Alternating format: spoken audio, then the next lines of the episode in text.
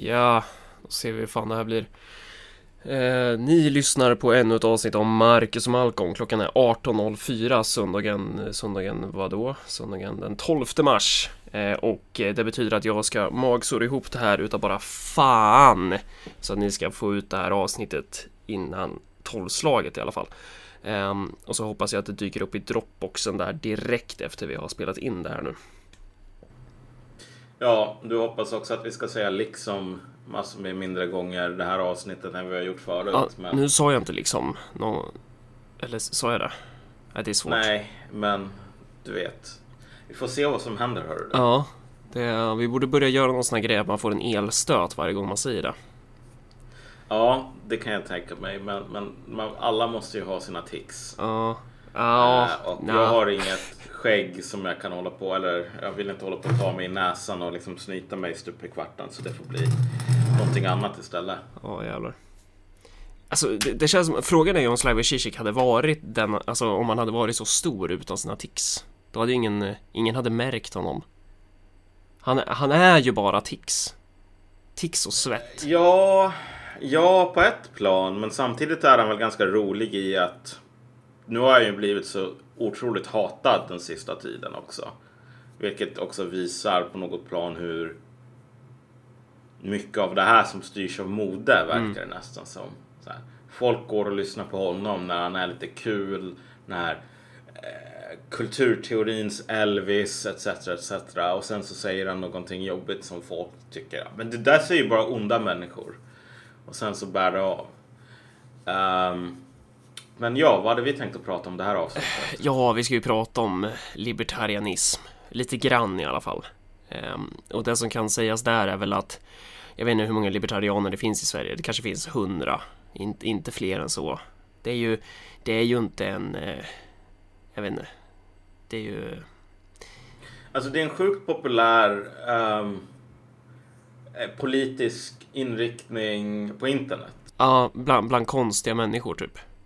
Ja men exakt, bland människor som är otroligt booksmart eller vad det nu är man säger. Som är, ja men det är som trottar ungefär. Jag har alltid föreställt mig libertarianer som en sorts högerns svar på trotskismen. Ja men de är ju, det är ju ingen som träffar de här i verkligheten. Det är ju bara på internet som man stöter på dem och då kan man ju lura sig själv. Om, om ens värld består av att hänga på diverse ungdomssidor på internet, då kommer man ju till slut tro att libertarianerna är fler än vad de är.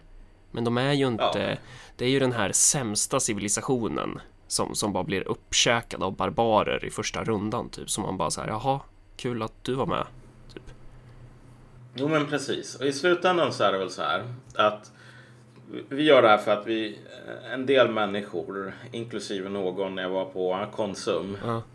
i, i dagarna, så har sagt att det skulle vara intressant att höra liksom, våra synpunkter på det här med libertarianism uh. och så här, hur ser vi på denna politiska ideologi, jada jada. Um, och man kan väl börja med att säga att det är väldigt svårt att ta libertarianism på allvar. Därför att de flesta ideologier, säg att jag är någon sorts gråsosse. Då kan man angripa mig för att jag är gråsosse genom att säga, men vet du vad? Jag är revolutionär socialist och jag tycker att du borde tycka saker som revolutionära socialister tycker. Och då är det väldigt enkelt för mig, för då kan jag bara svara, men vet du vad? Jag är gråsosse och jag tycker saker som gråsossar tycker. Och därför så tycker jag att jag tycker bättre saker än du. Liksom. Alltså, när vi bara talar om sådana här sorters preferenser, eh, värderingar. Mm.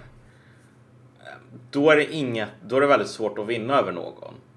Jag menar, försök att övertyga någon annan att den borde tycka att chokladglass är godare än äppelglass typ. Äppelglass?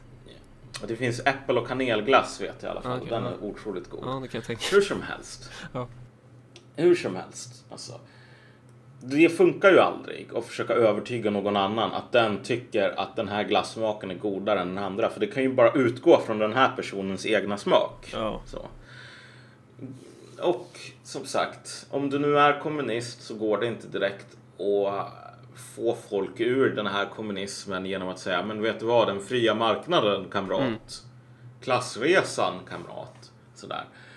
Libertarianismen har dock ett annat problem. Och det, det delar den väl med trotskismen. Och det är att det här är en ideologi som är trasig i sig självt. Det vill säga att det behöver inte komma någon utifrån och säga att jag tycker att du borde ha en annan ideologi. För att saker och ting ska gå åt helvete. Utan enligt den, när man accepterar trotskismen till exempel. Så har, bär den ideologin självt på, vad ska man säga, potentialen att ta en ur den. Och det är ju ungefär det som händer de flesta trottar efter en 20-30 år. De stirrar tillbaks på liksom sitt liv och tänker vad fan har jag hållit på med ungefär.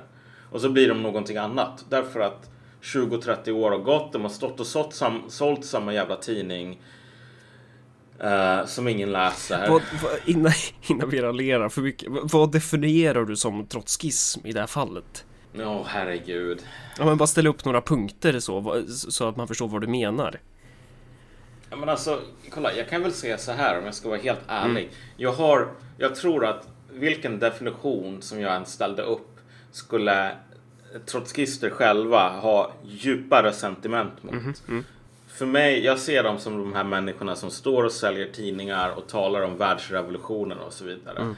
Men jag gissar att som i de flesta andra så här kvasisekter så finns det gigantiska skillnader mellan olika subsekter. Jag menar, det är ju därför som man har alla dessa jävla splittringar, är det inte? Uh, och att det är ganska lönlöst att komma med någon sådan definition utifrån därför att det är ingen inifrån som kommer att respektera den typ. Men, men din, men men din poäng är, är alltså var, varför menar du att trotskismen är... Eh...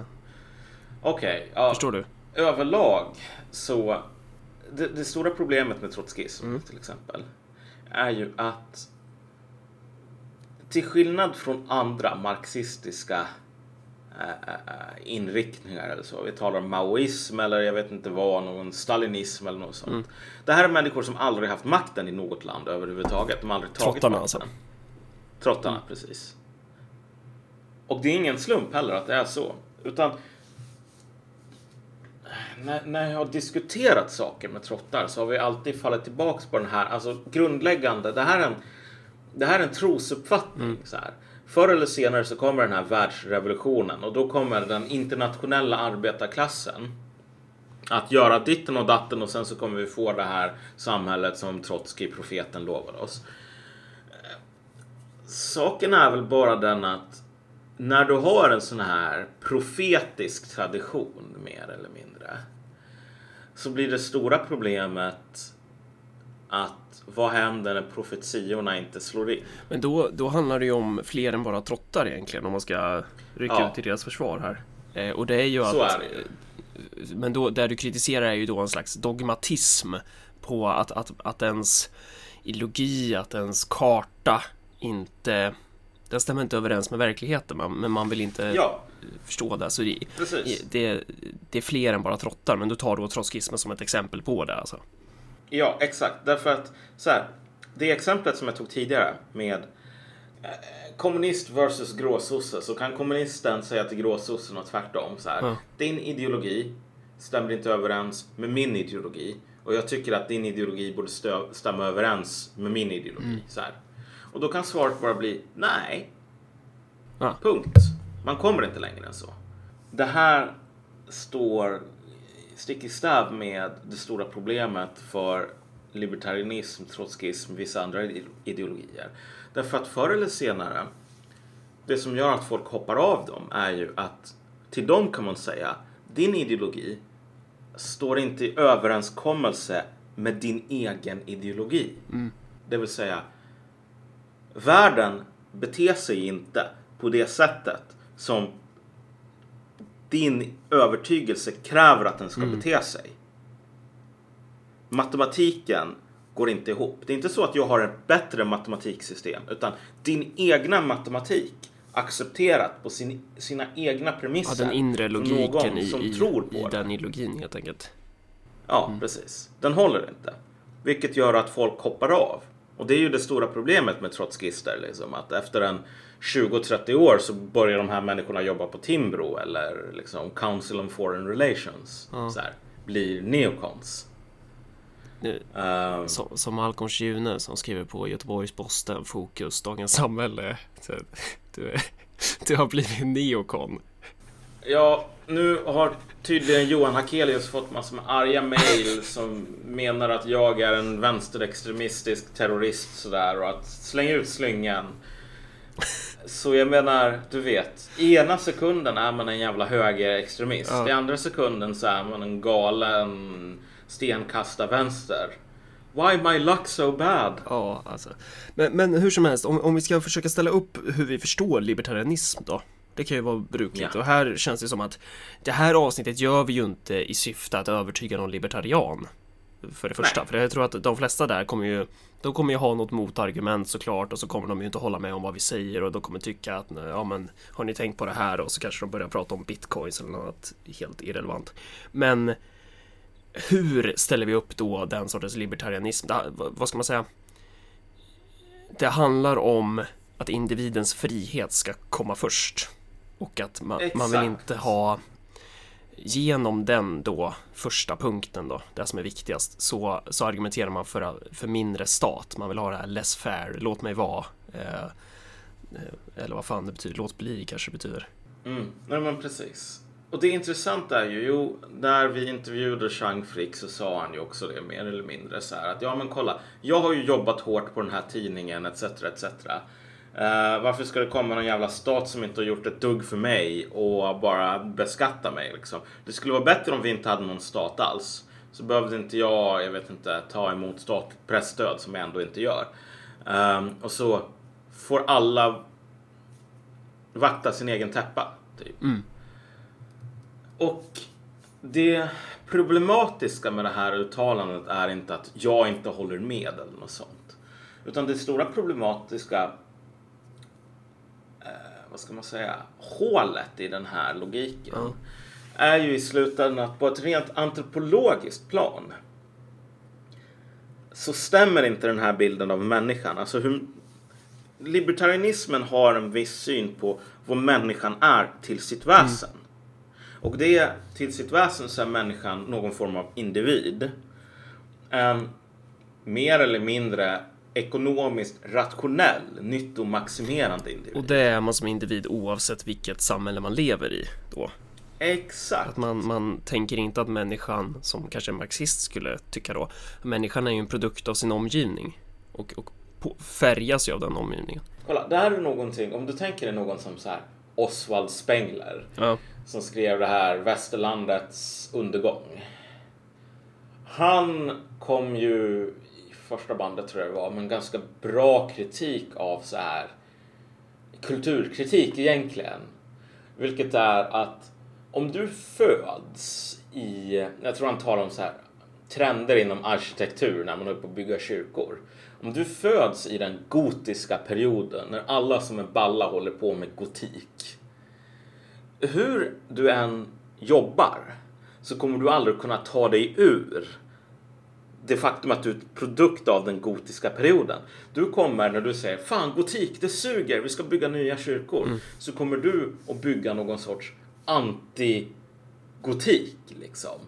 Du kommer alltid att vara fast i eh, där du kommer ifrån så att den här reaktionen på det Kommer definieras i relation till, till go, go, Exakt. Ja. Precis. Säger man gotik? Att, ja, Okej. Ja. Men det är mm, gotiska kyrkor, allt det där. ja, jag. Och jag tycker att det, det, det är en väldigt bra poäng just att alltså var man kommer ifrån, ens Ja. förutsättningar. De speglar den inte bara i liksom det, här, det som man tycker om man tycker normala Mm. saker. Utan det, det kommer också gå igen om man börjar tycka onormala saker. Mm. Och jag menar det här ser vi ju på vänstern också som dess typ anti... Vi, vi hatar liberaler för att vi vill ha det perfekta liberala samhället. Men för att återvända till liberalismen så vad man inte har ögonen för och det här är ju för att alla är så otroligt booksmart. Man har sina böcker som säger att världen ska fungera på ett visst sätt. Liberalismen eller libertarianismen? libertarianismen. Där har man sina böcker som säger att världen ska fungera på ett visst sätt. Alltså det här, it is known. Ja. Liksom. Um, och sen så har du trotskister som har sina tidningar som menar att ja, men världsrevolutionen kommer snart kamrat. It is known. Ja. Och människor som är experter på de teorierna. Men ute i verkligheten så beter sig inte människor på det här sättet. Och ute i verkligheten så är det också så att sättet som vi är på, sättet som vi ser på förhållandet, alltså vad en människa är i sin essens, någon sorts fri individ. Det är också en produkt av det samhälle som vi lever i.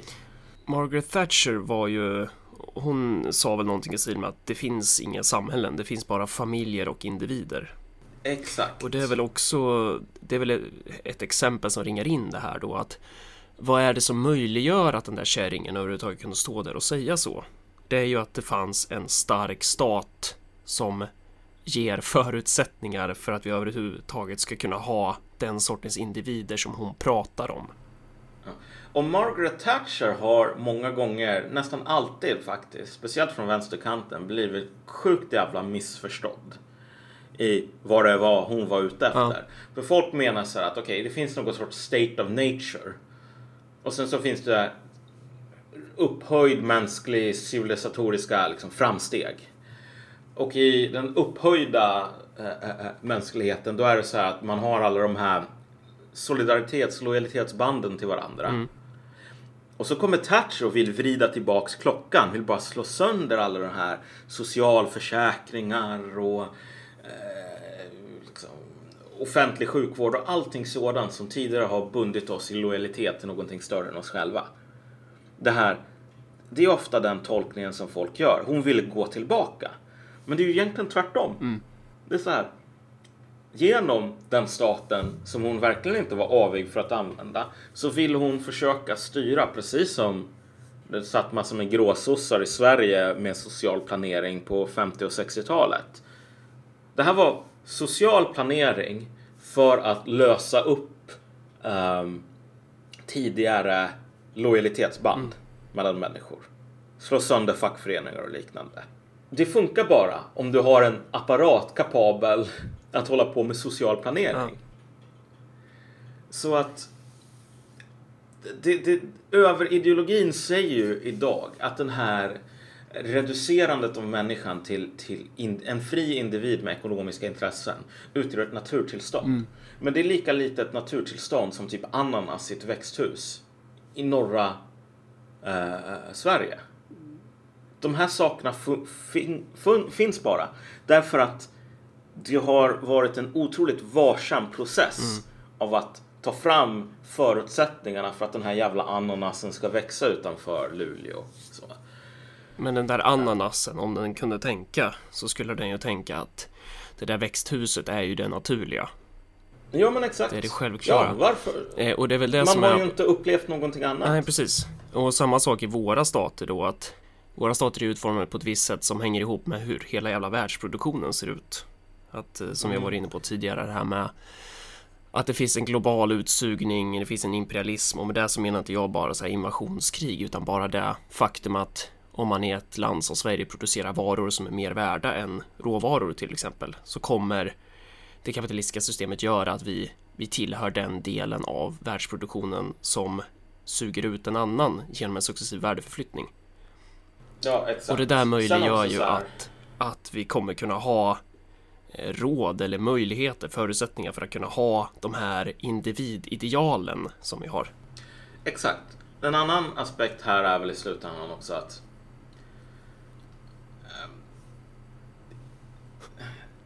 Ja, nationalstater i Europa ja, har ju hela tiden, i, eller i flera hundra år, varit ute för att krossa ja, all möjlighet till att vara lojal till någonting annat än till staten. Så. Och nu, när man har lyckats så himla bra, så har du människor som inte är uppbundna. De har liksom en lojalitet som de är uppbunden till. Eh, som nu också har blivit osexig och liksom i, i den nyliberala eran så ska man ju försöka förneka att ens den lojaliteten borde finnas. Men, men det är ju ett väldigt enkelt steg för någon som aldrig har varit annat liksom, du tvingas bli en fri individ idag. Och det är väldigt enkelt för någon som tvingas till det att säga så här. Jag är en eh, liksom, samhället skulle funka om vi bara tog bort den här sista förtöjningen, så här, den sista lojaliteten till någon elak kall stat. Ja, då skulle allting bara flyta på som vanligt i princip. Precis. Men som sagt, det finns antropologer som jobbar med mänskliga samhällen, hur de har sett ut genom tiderna. Och det här med människor som bor i stadslösa områden, det är fan ingenting nytt. Vi behöver inte hålla på och slå våra gigantiska jävla manlet-huvuden ihop och bara fundera, hur skulle det här se ut? Du tjatar på mig om att jag skulle ladda ner det jävla King of Dragon Pass eller vad heter det? Ja, det behöver du fortfarande Ja, göra. okej, ja men jag... Fan. Men, men jo, men precis. Men alltså, okej. Om man nu ska komma med lite så här rekommendationer, Ja. rekommenderad läsning på området. Jag kan verkligen rekommendera folk att spela ett spel som heter King of Dragon Pass, kostar 100 spänn, finns på Steam. Det är nästan en interaktiv fantasybok. Och det som är intressant med det är att du är en du, din roll är mer eller mindre att leda en sån här nomadisk klan. Ja. Eller halvnomadisk typ klan. Genom massor med problem. Och man märker direkt, för de här människorna som kom, gjorde den här världen, Gloranta heter den och det finns väl typ tre lyssnare som kommer att veta vad det är som jag talar om. Ja. Men de människorna som kompade ihop den här världen, de, dels så höll de på att plugga massor med studier, liksom religionshistoria, antropologi och liknande på universitetet. Så de hade fötterna på marken när det gällde så här, vad det är de snackar om, hur fungerar sådana här samhällen. Sen så höll de på att röka på sjukt mycket också. Så att resultatet blir en värld som är helt jävla crazy. Du har så här eh, en sak som kan hända ganska tidigt i spelet är att man flyttar alltså till ett nytt område på grund av att det är massor med inbördeskrig i stället som folk tidigare har bott i. Och så en av de här grejerna som man upptäcker det är alltså ankor. Talande ankor. Det låter som De så här, så här- Är, det talande, är det som i Drakar och Demoner den här tidiga Ja, versionen? det är verkligen så. Det är sådana, ja. Det är typ talande ankor. Jag tror till och med drakar och demoner kan ha snott det här från Gloranta. Fast Drakar och Demoner hade ju den för typ 20 år sedan eller någonting. Ja, Gloranta är tro, ännu äldre tror Okej, jag. ja. Det är verkligen en av de tidigaste så här, eh, sådana världarna. Men det är så här, talande ankor. Och de här ankorna har ungefär samma seder som du. Vilket betyder att om någon har samma seder och kan liksom den här hälsningsfraser och liknande. Då måste du behandla dem som, inte direkt som jämlikar, men du behöver visa hyfs mot dem. Så här. För annars så spottar du på dina egna traditioner och så vidare. Och så vidare. Och så liksom tänker folk så här, vad fan ska vi göra? Det är så här ankor som bara talar som människor och beter sig som människor. Men, men oavsett hur sjuk den här världen är. Du kan, till, du kan hitta så här dinosaurieägg. Och så kan du få dina vikingar och liksom träna de här dinosaurierna. Det är typ triceratops dinosaurier. Okej. Och så kan de rida dem i strid. Och så blir det här ett föremål som gör att du får massor med bonusar när du slåss mot andra. För att dina vikingar håller på att rida runt på tri- triceratops dinosaurier. Det intressanta med den här världen är fortfarande att just på grund av att den är grundad i mänsklig antropologi. Alla seder ser helt olika ut. Men man inser väldigt snabbt att det finns en jävla poäng med att de här sederna ser ut så. De är en naturlig, ja, det finns en väldigt marxistisk poäng skulle jag nästan säga. Därför att en person som sitter och spelar det där spelet och som har ögonen öppna och funderar, men varför är det så att vem en klanmedlem gifter sig med är klanens eh, business här. Och att en brud, du, har någon sådär, någon jättesnygg tjej har liksom blivit 17 år eller någonting och så ska hon gifta sig. Om du säger du får bestämma själv så stirrar hon på dig som om du är helt jävla galen. Typ. Så här, vad fan är det som händer med världen egentligen? För giftermål är en jävla ekonomisk och politisk transaktion berättar hon för dig då. Liksom. Mm. Ehm, men hur som helst, när man sitter och spelar det där och funderar ett tag så inser man att det finns ganska grundläggande materiella orsaker till varför samhällen ser ut som de gör. Det här är ju historiematerialism 101 mm. på något plan. Men även en sån här sjuk fantasyvärld skriven av någon som inte är helt bakom flötet kommer att vara tvungen att respektera de här reglerna. Men sen om man inte är intresserad av fantasy så kan man ju en, en, annan rekommendation är en viss person som heter James C. Scott. Han har skrivit en del böcker och de böckerna på temat så här kullfolk, så här miao, mong i Sydostasien. Mm. Det var de som levde på de här kullarna, eller hur var det? Ja, så, exakt. så det gick inte att beskatta dem. Jag tror att vi har pratat om det tidigare i tidigare avsnitt, men att det var, det var jävligt svårt att beskatta just de, de folken. Så att de levde ja. väl i princip utan eh, stadsbildning då. Precis, alltså det, det finns den här... När du har så här väldigt kuperad terräng. Ja, det kostar väldigt mycket resurser, väldigt mycket maintenance för att upprätthålla en beskattning av den, ja, det området exakt. av riket alltså, helt enkelt. Du har väl, det, det, är väl inte du... ovanligt att det är just, för, för det där är kullar, highlands typ. Ja. För att du har ju norra Afghanistan idag också. Där har du inte direkt så mycket Exakt. statsmakt. Så att om man inte vill eh, ta sig till King of Dragon Pass i, vad fan hette det? Lorant Gloranta. Gloranta, ja just det. Så kan man ta norra Afghanistan som ett exempel på hur det ser ut utan stat. Exakt. Och just det intressanta är ju i slutändan att så här, det här är en process som har pågått i typ tusentals år. Där du har de här stadsstaterna nere i kullarna. Ja. Massor med krig, sjukt hög beskattning. Håller man på att odla ris så är man beroende av konstbevattning, vilket betyder att alltså det kan komma ett arméförband och bara slå sönder dina jävla diken och dammar som du har grävt och så kommer du att svälta ihjäl. Och när det är så så måste du betala den skatten de kräver mm. för, för de har alltid hållhake på Det finns materiella orsaker till stadsbildningar helt enkelt. Ja. Men hur ser de här samhällena ut? Där folk har sagt fuck it, vi tröttnar på staten, vi drar härifrån. Ja. Nej, det, är... det är inte fria marknader för fem öre. Nej. Och det är just det som är grejen om du är en booksmart person som är superlibertarian och tänker jag beter mig på det här sättet, därför så måste alla människor bete sig på det här mm. sättet. Och om jag bodde ute i kullarna i Somia, det området, eller om jag var en kosack eller en här, pashtun i norra Afghanistan, då skulle jag vara en ekonom, homo economicus sådär det, det stämmer inte. Det, det, det är väldigt enkelt att demonstrera att det inte stämmer för vi har inte ett sådant, vi har inga sådana statslösa samhällen som som borde finnas. Och grejen är den att alla i de här, alla de här samhällena tillåter ju inte någon slags individualism, för det funkar ju inte. Du, du, måste, är du inte en del av klanen, då går du ju under. Du är helt mm. fucked om du inte är en del av det här kollektiva, den här klanhierarkin så.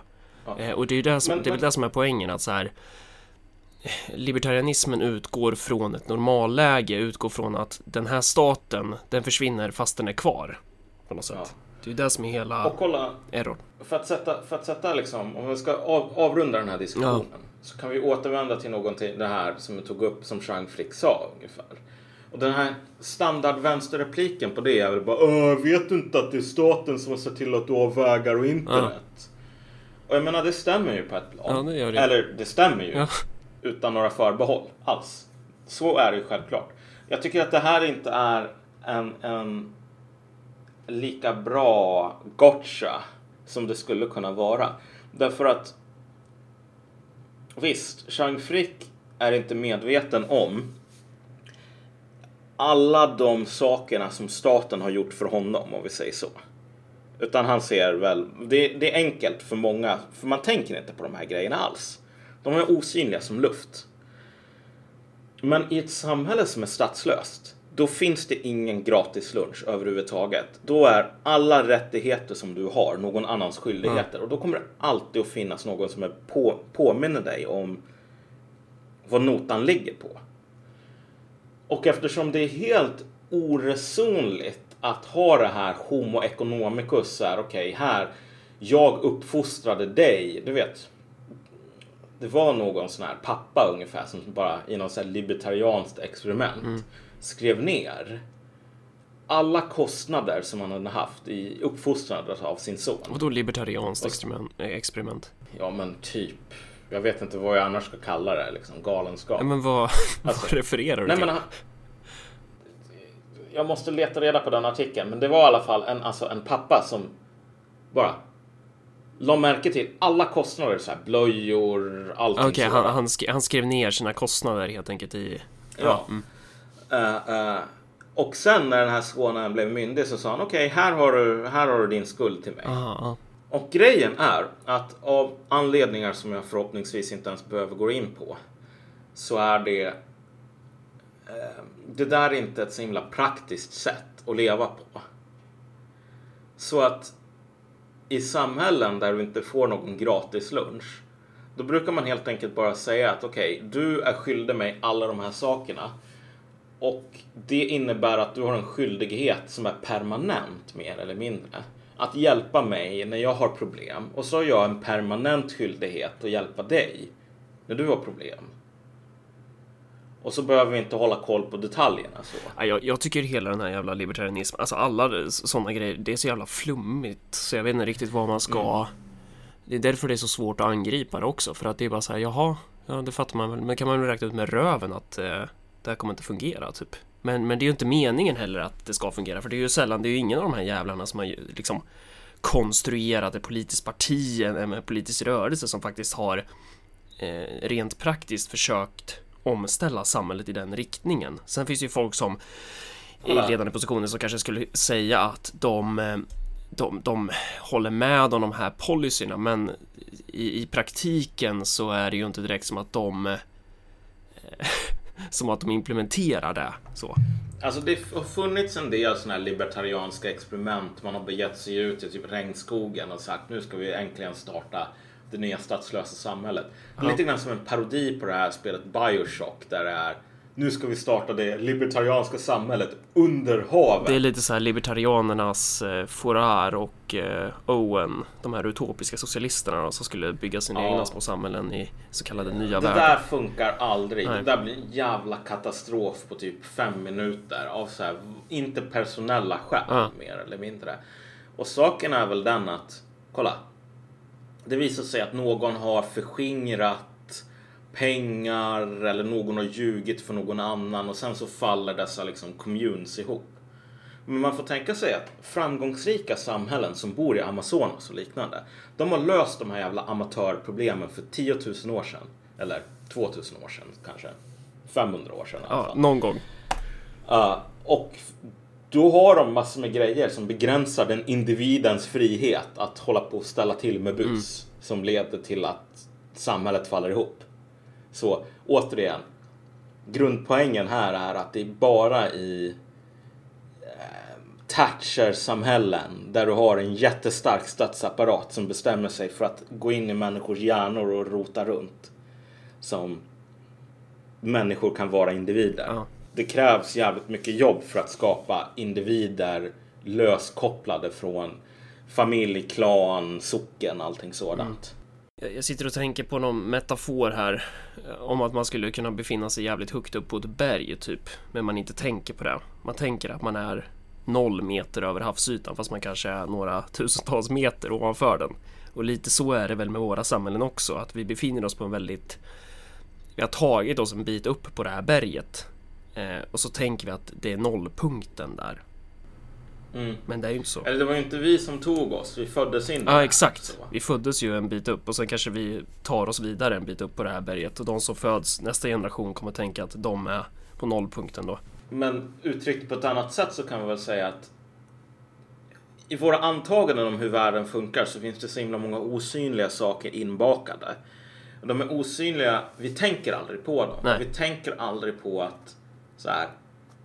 eh, Jag menar, när man var så sex år så kanske man tänkte att vaniljglass, det är så här som glass är som vanligt. Sen så har du olika tillägg på det här. Precis, men om man tar bort smaken från glass, då smakar den vaniljglass. För det är ju Ja, original. precis. Så. Men vanilj är ju också en smak. Det krävs att du tillsätter någonting. Ja. Det där jävla sockret och mjölken och grädden så. Alltså, det är inget, det, vanilj är inte ingenting. Det är någonting. Där har du ju ideologi. Så. Att i- Ja, ideologin som vi har, som vi tänker är självklar, den är ju ideologisk. Så. Jo, men exakt. Det är något stort på gång med våra vänner.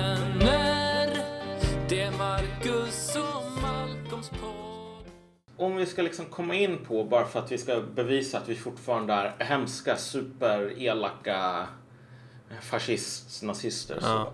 Så, så kan vi väl ta och diskutera just en av anledningarna till varför det går så himla bra för SD och Front National. och Och jag skulle vilja göra den övergången genom den här eh, kokta grodan exemplet. Jag tror att vi har pratat om det i, i något tidigare avsnitt också, men det, det sägs ju att så här, om man ska koka en groda så kan man inte bara kasta ner den i kokande vatten direkt för att då kommer den hoppa ur för den kommer märka temperaturskillnaden. Så det du får göra är att du får höja temperaturen sakta, sakta, sakta. Eh, och på det sättet så märker inte grodan att den kokas ihjäl. Eh, det är ju en metafor som har använts ibland för att beskriva hur eh, ja, men det här hegemoni, kamp och det som kallas metapolitik och allt det här, hur det fungerar. Men det- det vi ska prata om nu är ju vad händer när grodan blir av med det här varma vattnet? När, gro- när den kokta grodan börjar frysa. När man märker att alla de här grejerna som man tog för givet, det som var så självklart så att man, eh, man kunde inte ens eh, bry sig om dem, typ. Vad händer när det försvinner? Mm. Och där, där har vi ju det bästa exemplet egentligen, det är väl hela den här Sverigebilden. Eh, Exakt. för att jag skulle ju mena på att det som möjliggör nationalism i Sverige, det sägs ju ibland att eh, svenskarna är ju inte nationalister typ. Du har ju skrivit en del om det där, om så här våran chauvinism, att vi tänker att eh, andra människor i Europa och världen, de är typ mer primitiva än oss, för de håller ju på med nationalism. Men vi svenskar, vi är ju bättre, för vi håller ju inte på med det. Men jag skulle mena att det är ju så självklart för oss. Det är ju Ja. så... Eh, vi tänker ju inte på våran egen nationalism, eller vad man ska kalla det. Att det är Nej, förrän det, de saker vi har tagit för givet börjar försvinna. Och där har vi ju exempel när en mamma uppe i Norrland får stå med navelsträngen mellan benen i minusgrader. Då kanske man börjar märka eh, att den här välfärden är hotad. Eller när, när man märker av hur politiker är korrupta, man, man ser att den här relationen som vi definierar demokrati, att den håller på att gå sönder. Typ. Den fungerar inte så som det var tänkt, så som vi lärde oss att det var till naturen skulle fungera. Typ. Eller sekularitet eller jämställdhet. Alla de här grejerna som vi i Sverige, i svensk kultur, har tagit för givet. När det försvinner, då eh, det är då vi börjar märka av dem och det är först då man kan börja prata om en ny nationalism. Det är ju då en nationalism möjliggörs. Att, att kunna, Mm.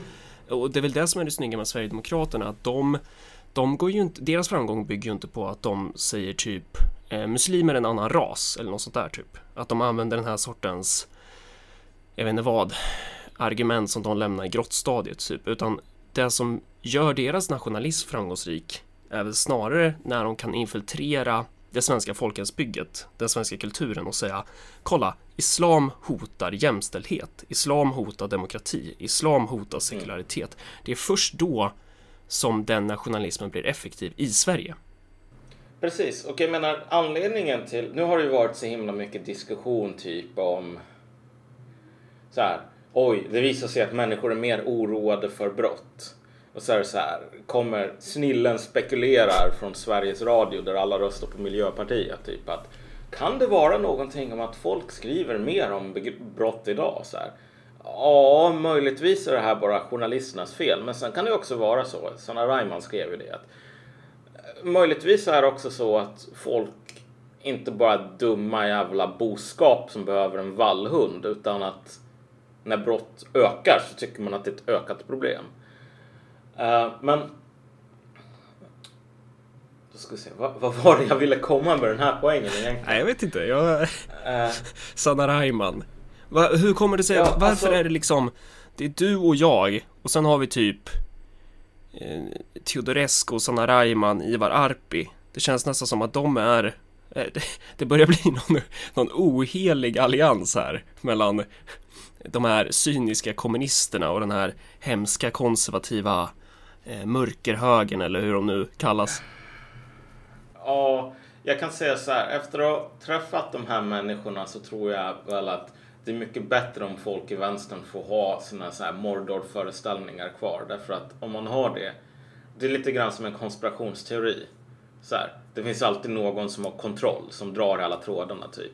Jag snackade i alla fall med Ivar Arpi någon gång för inte så himla länge sedan. Och jag menar, jag såg ingen så här sulfur eller något sånt där.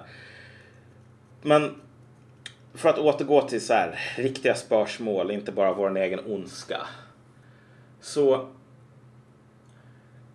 det intressanta med SD, och det här är en poäng som man väldigt ses väldigt sällan görs, mm. är ju att SD är inte deras poäng. Om man verkligen ska koka ner det som ger deras budskap någon form av studs idag. Mm. Det är inte typ Hallå, vi lever i en tid där svensk nationalism inte finns men nu kommer vi att komma på det för att nationalism är ont och det måste, ondska måste alltid finnas. Utan så, de verkar ju i Sverige, precis som du säger, som är djupt national, alltså chauvinistiskt. Ja. Nedlåtande, översittar stil på det. Därför att man antar, precis som den här eh, majoren eller vad det nu är i uh, Full Metal Jacket. Du vet den där scenen där Joker står med Born to Kill på hjälmen och ett peace-tecken. Och så blir han tillfrågad, vad fan har du Born to Kill och ett peace-tecken mm. på hjälmen? Och så bara svarar han, uh, jag vet inte. Jag tror att det har någonting att göra med mänsklig dualitet eller något sånt. Och så den här majoren får, blir ju så här aspist och bara säger, är du någon jävla kommunist eller? Vi är här nere i Vietnam för att inom varje jävla guling så finns det en liten amerikan ja, som kämpar för att komma ut. Mm. Och det här, det är verkligen så här. Typ, vi tar hit flyktingar för att inom varje jävla arab så finns det en svensk som kämpar för att komma ut. Det behöver bara en korrekt applicering av Kalles Kaviar och Melodifestivalen ungefär. Och vad det synsättet gör är ju att någon som tycker, alltså för det första, och det är en poäng vi har varit inne på tidigare. Men svenskar tycker ingenting. De representerar bara en sorts unik, eller en ideologiernas vaniljglass. Ja, liksom. precis. Som de, de finns. som är väldigt kokta i den här grodan i den svenska kulturen tänker ju att den svenska kulturen är så självklar så att den är ju ingen kultur. Ja. Den är ingen kultur. Det är, det, alltså ett ställningstagande för, för mänskliga mm. rättigheter. Mm. Det är inte ett ställningstagande. Det, det är typ Eh, det är bara sunt förnuft. Mm. Och det är inte ens sunt förnuft för sunt förnuft är något ideologiskt utan det här är bara så är det liksom mannen. Och samma sak när det gäller människor som kommer hit. De är inte heller kapabla att ha åsikter egentligen därför att alltså det här är ju det är ju synd om dem. Någon som inte tycker som en svensk, det är synd om den här mm. människan. Mm. Därför att den lider ju uppenbarligen av någon form av så här mentalt problem. Du vet, i tredje världen är det ett jättestort problem att barn inte får tillräckligt mycket näring när de växer upp och det har den här och den här effekten på hjärnans utveckling. Gud vad synd det är om de här personerna som slår sina fruar, bla bla bla. Det. Ja. det är verkligen den här äckliga översittar-chauvinismen. Ja, att som... de här inte kommer lika långt i tech tree och därför ja. är de som de är typ. Ja, jag menar, det här är ju någonting också som man såg med typ Tim Pool mm. när han besökte Sverige. Han sa bara jag är fan ganska glad över att åka ifrån Sverige. Mm. För att Sverige fan en, har en ganska oschysst och sjuk kultur. Mm. Så här. Och det är just det som är grejen också. Att det, det, det där är någonting som han inte har bara för att han är utsänd av Putin och Trump. Liksom att han tycker så. Det är ganska vanligt i min icke-vetenskaplig erfarenhet att folk som är på besök i Sverige tycker så här. Därför att de är ju inte nedkörda i den här ideologin. Utan de ser ju bara människor som är jävligt malliga och bara tänker att ja, folk som inte tycker som jag, de är oga-boga människor med ett ben genom näsan. Typ. Mm. men, men hur som helst. Det här är standardnationalismen. Mm. Och givet att den är så himla stark i Sverige idag. Det här är en ideologi som typ delas av, eller delades av nästan alla. Och som sen började krackelera ute i eh, marginalområden. Och som, och som möjliggjordes just genom en stark välfärdsstat, en stark centralisering, ja. så här hundra års, alltså en, en lång, lång historia, men som har materiella orsaker. Det är ju det som möjliggör Precis. den här sortens starka nationella identitet som vi har. Men som, som Ja. är så stark så vi inte, alltså det, det är sån jävla koktemperatur på vår ideologi så vi känner inte av den förrän det börjar kallna. Och det som är intressant med SD är ju i slutändan att deras nationalism handlar ju inte om att bara säga ja, vi tycker precis som alla andra Nej. på kultursidan och sådär. Eh, För då skulle man ju bara säga det finns ingen svensk, det finns inget svenskt. Liksom. Ja. Allt som är svenskt är ont och förtryckande. Det finns bara universella värderingar. Men det vill man ju inte heller använda för nu är det människor som Am- Amina Kakabaveh som använder universella värderingar som ett slagträ mot de stackars människorna i orten typ. Men hur som helst. Gör hon, gör SD. hon det eller menar du att eh, typ mupparna säger att hon gör det? Ja, men hon gör ju det. Hon säger ju så här att typ, kolla. Det finns ingen anledning att acceptera andra värderingar bara för att det här är den här personens liksom naturliga essens. Ja, du menar, okej, ja. Det är så du menar. Det är inte Ja. som att hon kommer in där och säger sekularitet är universellt rätt. Nej, ja, men alltså, nej men precis. Nej. Hur som helst. SD, hela, det, hela deras projekt här verkar ju gå ut på att säga så här. Det finns någonting svenskt liksom. Vaniljglass är en smak. Ja, och det är den bästa smaken som ska försvaras, ditten och datten. Men just det här. Det, det är så en himla intressant politisk utveckling på något, alltså djupt fascinerande. Att det nationalistiska projektet blir att hävda existensen av en nation i ett läge där alltså det, alter, det antinationella alternativet, om vi säger så, består till hundra delar av ren och skär nationalchauvinism. och, ja, och det, det antinationella...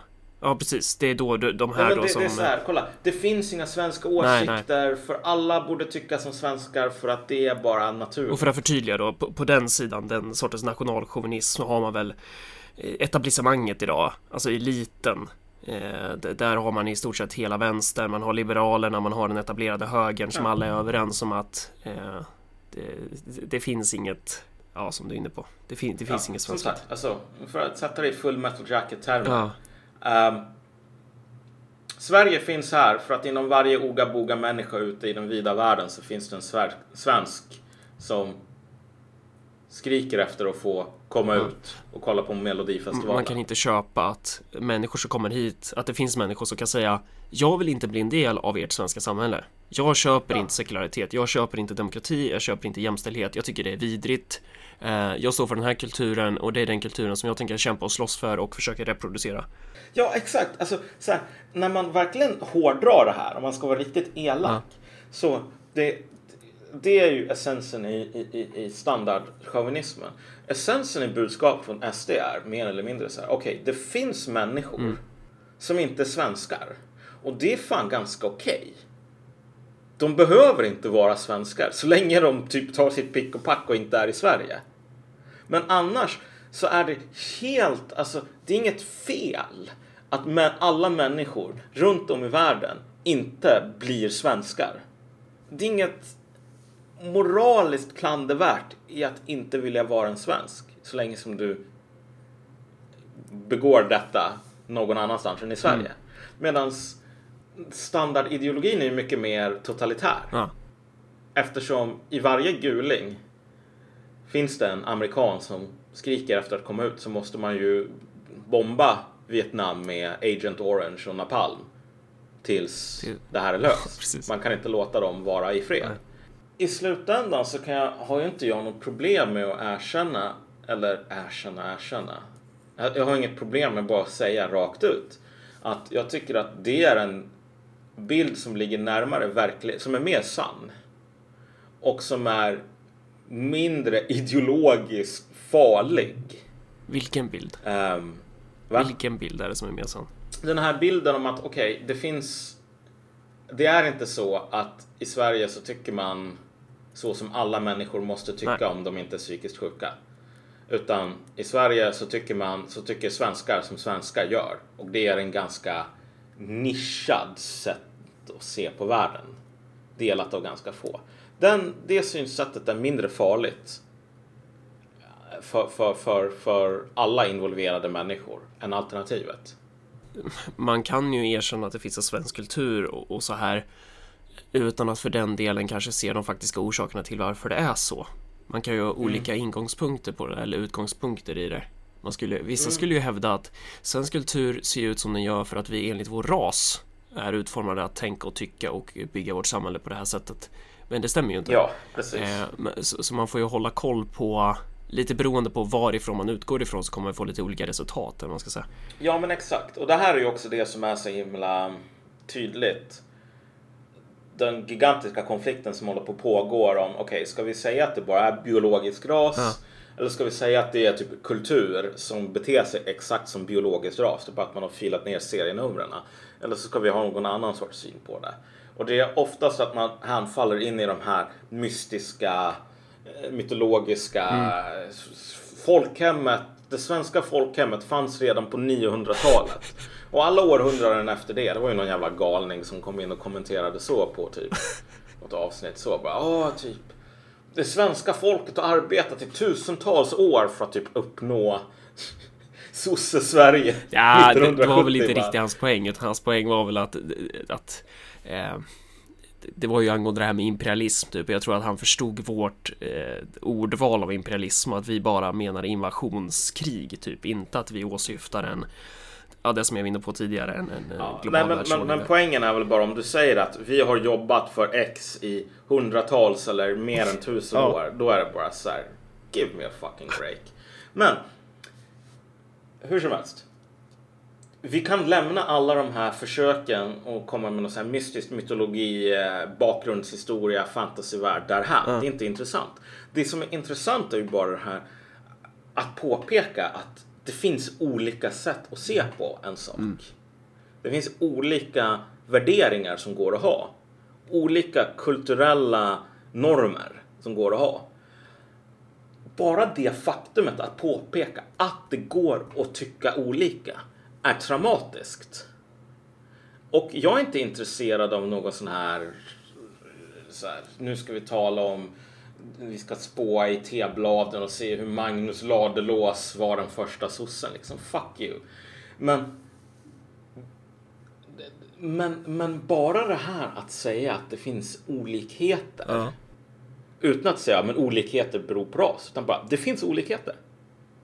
Det är någonting som alltså den svenska chauvinismen inte kan tolerera. Ja, exakt. Va? Ja, det, st- det står ju i strid med den svenska nationalkommunismen. Ja. Men, men det här leder till sådana absurda resultat. Om du tänker i Svenska kyrkan. Ja. Som verkligen är den mest kackade äh, institutionen om du Jag älskar. Svenska kyrkan. Jag, jag tycker den är så jävla bra. Den är ju, den Den är ju svenska- så svensk. Den är ju så jävla Den svenska briljant. kyrkan har ju börjat dyrka liberalismen och Ja. ser alltså allt det här med Jesu Kristi födelse. Ja, de har väl avskaffat och helvetet sånt som- till och med. Det är ju så här, det är ju så, ja, jag Ja. älskar Svenska kyrkan. Det är ju det perfekta det- de- exemplet på så här hur religionen krampaktigt försöker hålla sig kvar. Alltså hur, hur så här religionen har inkorporerats i den svenska kulturen på något sätt. Ja, eller det är inte ens, jag skulle nog, jag, nu är det lite för elak mot religion överlag. Jag skulle nog säga att det här är en institution snarare. Ja. Som försöker överleva i en tid där alltså det som finns är liberalism. Det välfärdsstaten dödade guden typ. Ja, nu försöker man göra om kristendomen till att handla om liberalism. Ja. Och så har man alla de här grejerna som inte är så himla kristna, typ i Nya Testamentet och liknande. Eller som inte är så himla liberala i Nya Testamentet och andra ställen. Men det är optional. Man behöver inte ha det, man kan välja bort det liksom. Ja, Det- precis. Man försöker, det här är en jobbig relikt. Ja. Men, men hur som helst. Det var ju en fransk präst som blev, han fick halsen avskuren i sin egen kyrka. Och efteråt så var det eh, någon sån här, du vet. Var det IS som tog Nu på ska sig vi det? visa solidaritet på Facebook. Eller vilka var det som gjorde det? Ja, det var ju Det var ju Islamiska staten va? Det var Islamiska staten som claimade Ja det, men det var någon jävla ansvar, islamist men i det- alla fall som... Eh, Ja, men, eller kanske inte ens islamist utan någon jävla galen 17-åring typ så här. eh, Men som, som hade läst Islamism for Dummies. Aha. Men hur som helst. Det var, det var ju under sådana förtecken som det skedde. ja, liksom. ja. Och så var det det här, du vet, i Facebook-aktivistens aktivismens tid så var det några som i Sverige startade den här gruppen Mitt Kors. Ja. Och då kommer den svenska kyrkan in och säger det här är djupt problematiskt. Vadå ditt kors? Det här är ju hat mot muslimer. Det. Och det är det som är så int- intressant att alltså, givet hur den här ideologin funkar. Ja. Så idag att säga så här, jag är kristen. Det betyder det här. Och så här. Så är det liksom. Jag är kristen. Det uppfattas som någon så här latent hate speech. Så. Nu vill vi starta ett nytt religionskrig. Och man kan ju förstå lite grann poängen i det på något plan. så här. Men det är ju inte som om, om folk bara gick runt och sa nej jag är inte kristen och jag är inte muslim. Så skulle de här, alltså bara med att man inte låtsas om de här potentiella konfliktytorna. Det är ungefär som att vi säger så här att vi bor på ett geologiskt inaktivt område. Eller ett geologiskt aktivt område och så bara, men vi kan inte hålla på och forska i var de tektoniska plattorna ligger. Det orsakar jordbävningar. Nej, jordbävningar orsakas av tektoniska plattor och ha koll på hur de här ligger. Det är ganska bra om man vet om man ska jordbävningssäkra hus. Men det är ju inte själva undersökningen som orsakar de här Ett annat exempel på hur ehm, Först och främst vill jag bara säga att eh, om, om man ska återgå till den här kokta grodan-metaforen eh, så de som skriker sig allra hesast nu om att allting är bra, allting är väl, det är väl de som fortfarande är kvar i kastrullen på något sätt. Eh, att, att det kanske, det, det är ju Nationalismen möjliggörs ju i de segment av samhället där de här delarna saknas först och främst. Det är ju de Exakt. marginaliserade områdena. Det är ju Norrland, det är förorter, det är bruksorter. Det är inte Södermalm i Stockholm. För det, det är ju jättekonstigt att gå ut och hävda någonting där som redan är så självklart. Eh, de är inte hotade de där människorna. De är ju, de är ju kvar i, i den perfekta, mysiga lilla värm, varma temperaturen. Så. Så är det ju självklart. Men jag tänker så här. Varför kan den här sortens nationalism som säger det finns skillnader människor emellan. Ja. Varför kan den röna några framgångar alls? Ja, för att den, Jag- den är ju sann. Det finns ju skillnader. Wow, nu, nu, nu kommer du verkligen ur garderoben. Ja men, ja men vadå, jag är kommunist. Det är ju så här, ja. det, det finns skillnader. Eh, Och det är ju de här skillnaderna man måste, återigen, det är de här tektoniska plattorna. Det är bra att känna till dem. Så. Ja men exakt, alltså på något plan. Det är just det som är upplevelsen av faktiska grupplojaliteter och slitningar och ideologiska konflikter. Den kan överdrivas otroligt mycket och de, kan, de här sakerna kan misstolkas och så vidare. Men det, är ju, det finns ju ändå ett, en aspekt av ingen rök utan eld här. Annars så går det i princip inte att förklara. Nej, för, för det är det som är grejen med de journalisterna oftast, eller, eller typ så etablissemangsfolk överlag, att de är så här, vi måste sluta prata på det här sättet. Vi måste sluta måla upp den här bilden. Marcus Allard är och Örebropartiet, det, är- det är hemskt för att de målar upp en bild av att politiker lever i en isolerad bubbla från folket. Eh, Men det är inte så man säger att problemet är att politiker lever i en isolerad bubbla från folket. Det är bara det att man pratar om det. Så att de är ju... Exakt. Ja, Människor är boskap. Det här är det som är. Det finns, Vi talar mycket om politikerförakt. Men det finns ett sånt utbrett så här, väljarförakt i, inom i princip. folkförakt. Ja, alltså det här med att okej. folk är så här passiva receptorer. Ja. Och så sitter det olika spindoktorer på Sveriges Radio och bara, ah, vad ska vi få människor, vilka knappar ska vi trycka i idag? Mm. Vilka marionettrådar ska vi dra i? Hur ska vi få de här människorna att dansa? Eh, Och sen bara, ah, vi kommer ut med det här budskapet, då blir människor rasister. Eller vi kommer ut med det här budskapet, då blir människor goda. Ja. Typ. Men det är ju inte så det funkar. Folk är fan inte alls dumma i huvudet överlag. Med vissa undantag. Någonting det är något stort på gång med våra vänner Det är Marcus och Malcolms podd när folk börjar oroa sig för någonting eller säga det här tycker jag är viktigt för mig. Då är det inte bara för att Sveriges Radio har varit framme och tillåtit fel sorts reportage. Så här, det finns djupare politiska krafter än typ vad Sveriges Radio eller Peter Wolodarski eller någon sådan skriver om. Typ. Men jag, för att jag har tagit det här exemplet väldigt många gånger med homosexuella Front National i Frankrike. Nyligen så satt jag och läste lite artiklar för jag tänkte så här, hur ser det här ut i Sverige? Typ? Finns det liknande mm. förutsättningar? Och typ en artikel som jag läste i QX från 2015 tror jag var ju eh, någon transperson från Afghanistan som hade blivit misshandlad av ett gäng personer från, från samma liksom, asylboende tror jag det var eller något sånt. På en jävla perrong i Stockholms tunnelbana så här. Inte mitt i natten heller. Så här, grovt misshandlad och det här var andra gången han hade blivit, han hade blivit misshandlad. Mm. Om QX fortsätter att skriva sådana artiklar, vilket de antagligen kommer att fortsätta göra eftersom sådana där saker kommer att fortsätta hända. Då kommer det inte kunna gå och tapetsera över det faktum att det finns människor som säger tack men nej tack. Jag vill inte ha massor med. Jag tycker homosexualitet, transsexualitet. Jag tycker det är äckligt. Och nu gör du ju samma misstag här egentligen. För det handlar ju inte om huruvida QX skriver om det där eller inte. Utan det handlar ju om huruvida det händer eller inte. Jo, jo, jo. Men jag menar, vad ska man säga? Eh, min poäng var ju inte att QX direkt har sådär mind control nej. powers. Men jag menar att det kommer inte kunna gå ens... Att klistra över att... det så länge det händer. Nej, men nej. precis. Alltså, så här jag tror att när, eller jag uttryckte mig väldigt klumpigt. Snarare är det väl så att när QX börjar skriva om ja. det här och fortsätter att skriva om det så är det ett tecken i tiden ungefär på vart vad ska man säga, utvecklingen under ytan mm. går. Antagligen så är det en reflektion av en växande övertygelse om att det finns ganska många muslimer, speciellt folk som kommer från, just kom från delar av världen där du är en jävla galning om du säger ja men homosexualitet är skitbra mm. och typ feminism och sådär. Eh, att de inte har så jävla mycket till övers för transpersoner, homosexuella och så mm. vidare. Och sen, det var någon annan artikel som, av någon som jag inte kommer ihåg namnet på som bara jag var homosexuell, jag bodde i Rinkeby, nu flyttar jag härifrån för jag orkar inte få massor med ägg kastade på mig mm. och folk som håller på och skriker jävla bög och så vidare. Så jag flyttar till något sånt här fint vitt område istället. Och det enda som behövs där är att det kommer ett parti och säger så här, vet du vad?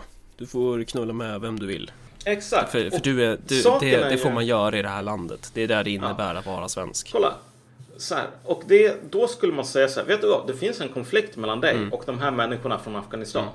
Och det kommer ju vara närmare sanningen än att säga att det finns ingen konflikt och den enda anledningen till att vi pratar om det här det är för att vi pratar om mm. det här. Så. Sen så kommer de här människorna säkert att kunna förvränga situationen, överdriva den eller så vidare. Men jag har aldrig förstått varför det finns en sån otroligt stor iver att förneka sådana här mm. saker. Ta muslimer, de är överrepresenterade sjukt mycket när det gäller hatbrott mot homosexuella i Sverige. Men det är fortfarande, om vi talar om en överrepresentation på 500 procent, då är det fortfarande någon promille ungefär som är beredd att göra sådana här saker. Säg det, vi har en promille av våran, eller ett par promille av den muslimska befolkningen som är typ beredd att begå hatbrott. Därför ska vi skicka dem till en jävla fritids... Va? Det är inte alla muslimer med andra ord. Ja, därför ska vi skicka den här delen av befolkningen, mm. de som är ett problem, vi skickar dem till någon jävla hike uppe i Norrland så här, där de får lära sig tolerans genom hårt arbete. Och sen så har vi löst det här problemet. Mm. Sen så behöver vi inte ha den här situationen där folk bara, ja ah, men han ser lite smartvuskig ut. Så här. Där. Du vet, löser man sådana här problem. Mm. Det vill säga skickar iväg den lilla, lilla, lilla försvinnande minoriteten som tycker som de tycker typ. Ja, ja. precis. Så här, tar man hårda tag, du vet som Fantomen som är hård mot de hårda. Är man hård mot de hårda så behöver man inte hålla på och misstänkliggöra resten Nej. sen. Sen, finns det, sen ska man väl också säga att det finns ju kanske ganska många människor som hatar bögar. Så, och inte bara bland ja. invandrare. Så det är ju det är, det är svårt att skicka alla dem till Gulag. Jag har inget problem med att skicka människor som begår hatbrott som är etniskt svenska till typ Gud. Nej, nej, men att begå hatbrott är ju en annan sak. det? Det är ju en, eh, det är ju en försvinnande liten del som gör. Ja, ja, nej men precis. Och än, än så länge så har vi inte så här mindscanners och förmågan att genom genetiskt så här Nej.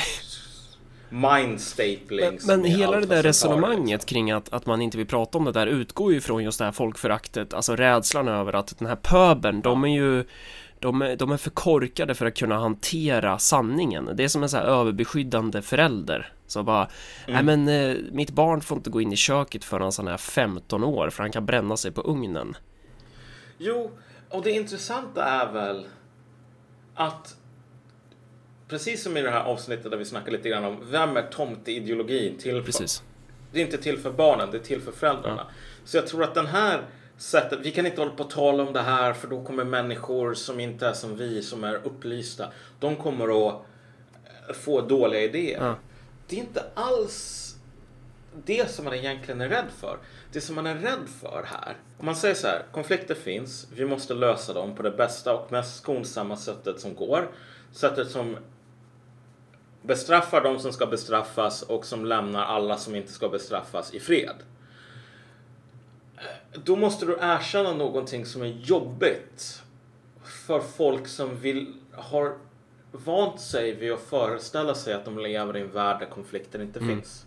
Det är demonstrabelt en smartare strategi, skulle jag säga, att typ plocka ut de människor i så här muslimska samfund och liknande som är en jävla dåligt inflytande och säga du får inga mer statliga pengar, vi kommer att punktmarkera dig, bla bla Ja. bla sådär.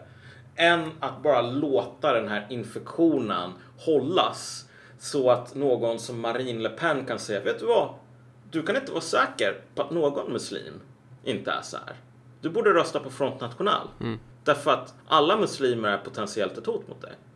Det, var, det är slutstationen för den sortens Att bara, underlåtenhet. ja precis, att bara rycka på axlarna. Och det är ju, Ja. så skulle man kunna beskriva hela den liberala politiken överlag. Att det är ju bara att rycka på axlarna. Att, Precis, men om man rycker på axlarna så kan man fortfarande fortsätta att leva i sin fina lag. ja, då kan man sitta kvar där i det där varma vattnet i grodgrytan fortfarande. Ja. Ett annat exempel är ju hur vi ser på krig i Sverige. Svensk försvarspolitik överlag. Eh, och då, det har väl eh, verkligen manifesterats genom den här debatten om värnplikten.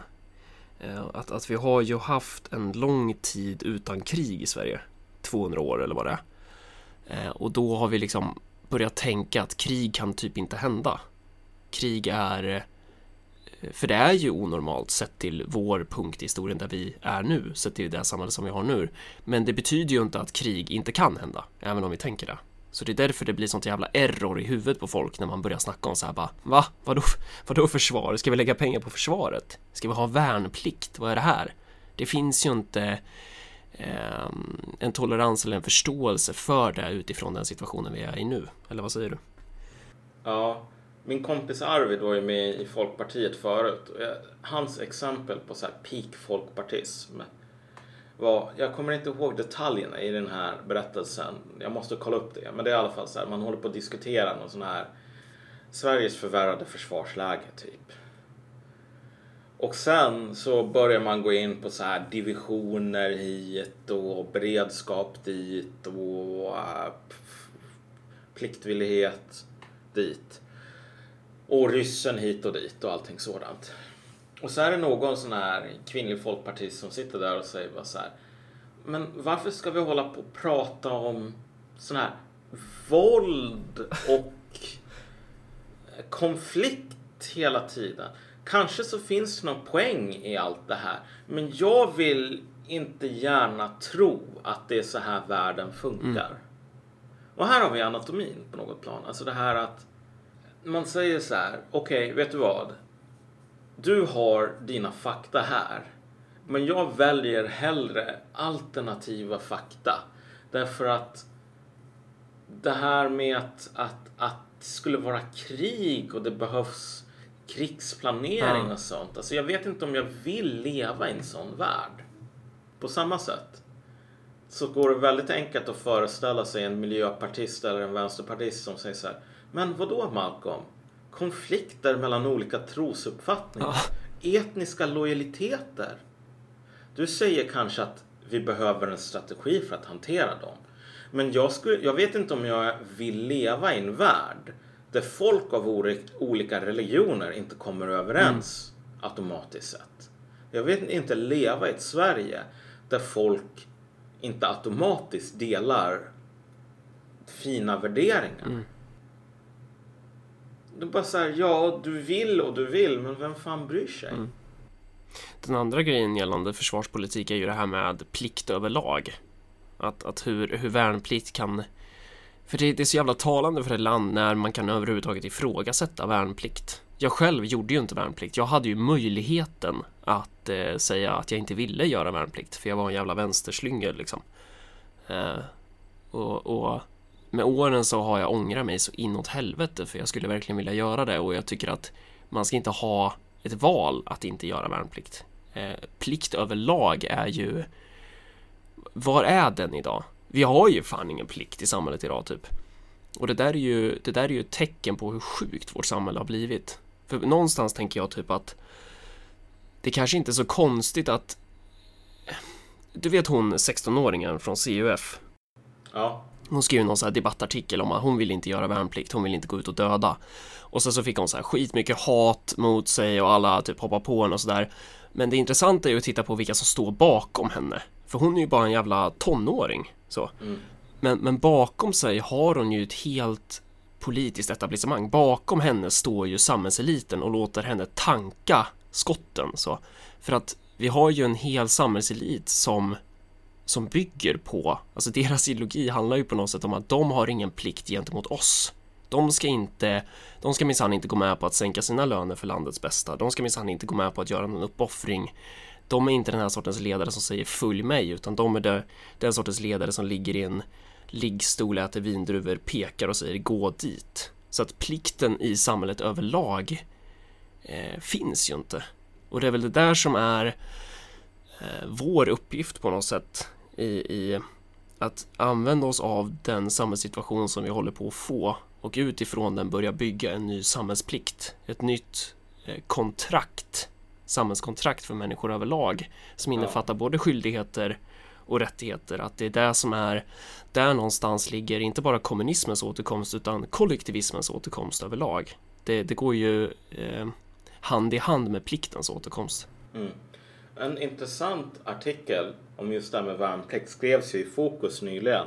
Ja, Där poängen mer eller mindre var okej, nu, nu av olika säkerhetspolitiska skäl så verkar det som att värnplikten kommer tillbaks. Hur fan gör vi nu?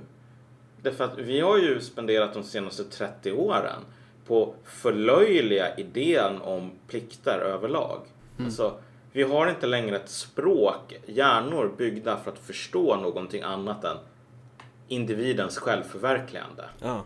Ska någon sån här eh, folkpartist-tant nu berätta för oss om plikten gentemot nationen? Alltså det går ju inte. Det finns verktygen har tillåtits rosta sönder i skjulet ungefär.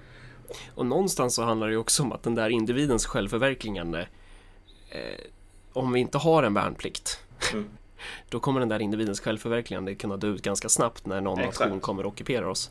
Så Exakt. att d- det är ju så, återigen, precis som med libertarianer så hamnar vi där på det här berget högt, högt, högt ovanför vattenytan men vi tänker att vi är noll meter ovanför den eller vi är, vad ska man säga, eller så här, en viss sorts åsikter är ju bara möjliga en, en, en bit upp på berget. Ja. Eller en viss sorts åsikter är ju bara möjliga vid en viss koktemperatur, vid en viss temperatur i den här grodgrytan.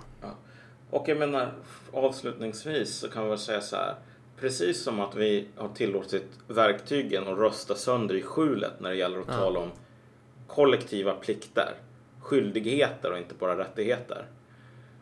Så samma sak har ju skett med de verktygen som används för att beskriva och lösa, det här är viktigt, lösa konflikter gentemot olika världsuppfattningar som sinsemellan upplever att de har legitima existensberättigande. Så. Så här, islamister tycker att deras sätt att se på världen inte alls är någon så här oga-boga grej som man har för att man är dum. Utan tycker väl snarare att den här svenska attityden är den som är mest oga-boga här. Och du vet, det här är ingenting nytt att sådana konflikter existerar. Um, men vi, på grund av att vi inte vill föreställa oss att vi lever i en värld där sådana här konflikter faktiskt finns. Så har vi sagt att om vi bara desarmerar oss själva så, här, så kommer det inte att finnas krig längre. Ja. I någon bemärkelse. Vilket betyder att det är bara Front National och typ eh, Sverigedemokraterna och liknande som idag är intresserade av att mobilisera någon sorts narrativ där det är så här, okej, okay, det finns människor som inte tycker som svenskar mm. här, i Sverige. Uh, och det är ett problem som behöver hanteras på något sätt. Och det är ju, problemet är ju att deras sätt att hantera det här är under all kritik. Men så länge som de är ensamma på den här bollen och det är ju inte direkt som om det här ens är någonting som är av naturen. Ett, ett, alla säger ju, allting har ju blivit höger idag. Typ. Nationen är höger. Uh, krit, uh, konflikter mellan olika religioner, det är också höger. Om man talar om det, då är man nazist. Så här. Och det, säg det här till typ Lenin för fan. Ja men verkligen alltså. Är det några som förstod sig på motsättningar så är ju de gamla kommunisterna. Ja, precis. Och de var ju jävligt på det klara med att mm. det fanns olika klanstrukturer, olika religiösa strukturer som hade mycket materiella skäl mm. och motsätta sig någon form av socialistiskt samhälle. Ingen av dem skulle ha sagt jag vill inte ta reda på hur man löser sådana här problem för då skulle jag vara tvungen att erkänna att det fanns problem. Mm. Och jag, mitt, mitt sköra intellekt klarar inte av det. Tvärtom så gjorde ju de, de tog ju reda på hur det såg ut och sen så krossade de allt som stod i deras väg. Exakt. Dags att vrida, så länge, hur är det som amerikanerna säger? Du vet, i en värld eh, där det är förbjudet att ha vapen så kommer bara brottslingar att ha vapen. Och vi lever ju i en värld på något plan där det är förbjudet att ha någon sorts jävla samhällskritik. Mm. Vilket betyder att det är bara jävla puckon som Ingrid Carlqvist som har någon form av samhällskritik. Kanske dags att ändra på den biten. Ja. Då hamnar vi återigen i den där jävla grytan att för att kunna ha en viss samhällskritik så kanske du måste bli av med den där varma tryggheten först. Ja, precis. Eh, ja, det var väl det va? Det var väl det. En kompis till mig, intressant nog, sa ju att han gissade på att om så här fem år så kommer det att utvecklas en sorts så här dolkstötslegend i Sverige. Om att vi var nära att vinna kampen mot rasismen och sen så kom de här förrädarna. De här... Vilka är de då? Är det du och jag? Ja, det, ja men typ du och jag. Okay. Som, som inte ville fortsätta slåss när när den egna sidan kunde vinna. De stötte dolken i ryggen på, på vänstern sådär. Vad är det för jävla, ja. För, Folk... ja man, man, börjar ju se fler och fler sådana kommentarer som verkligen är så här. Ja, allting gick ju bra tills de här vänsterelementen inom citationstecken började och... köpa högerns berättelse så här. Just det, att vi, vi förstörde ju den interna atmosfären överlag. Fan, åh! Allting gick bra i första världskriget ända tills de elaka judepolitikerna bestämde sig för att kapitulera på grund av judendomen så här. Mm. This is a serious politics. Liksom. Ja, så um, vad, vad, har vi att säga till de människorna? Sionistiska hälsningar, praise sog. Ja, men typ. Eh, man kan om man vill bli en Patreon. Då går man in på patreon.com, tror jag det är. Och sen så söker man på Marcus Malcolm. Eh, man kan också swisha en gåva till 0790 10 0790 10 72 23. Eh, och sen så framförallt så eh, viktigare är ju att man sprider våra avsnitt och att man fortsätter eh, tycka till och saker och sådär. Det är ju jävligt nice. Ja. På återseende. Ja, ha det bra. Hörs. Undrar när jag får ut det här avsnittet nu. Nu är klockan halv åtta. Nu jävlar är det... Leningrads gator har fått en ny bouquet Tiggaren hostar avgas från en BMW En kvinna i en tvåa mönstrar unionens fall. Den dagen låste hon sin dörr och hennes hud blev kall. Men hon gick ut på sin balkong för att kolla vad fan som hänt. Och hon tog på sig sin rock när hon kände att vinden vänt. Gazprom prospekterar i Trästaman, drabbade till Broder Edin. Krämskålar och en riten Gud sen de gick efter för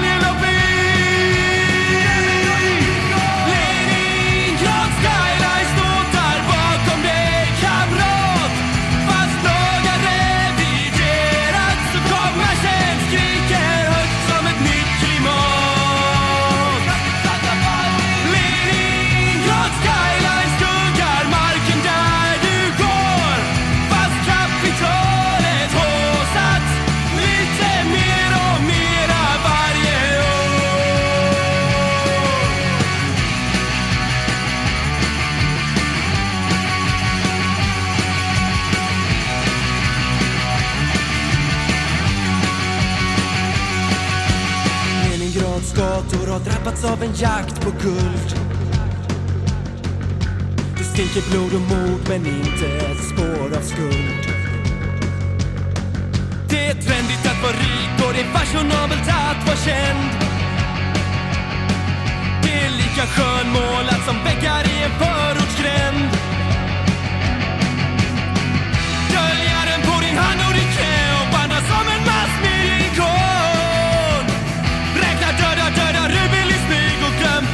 har du?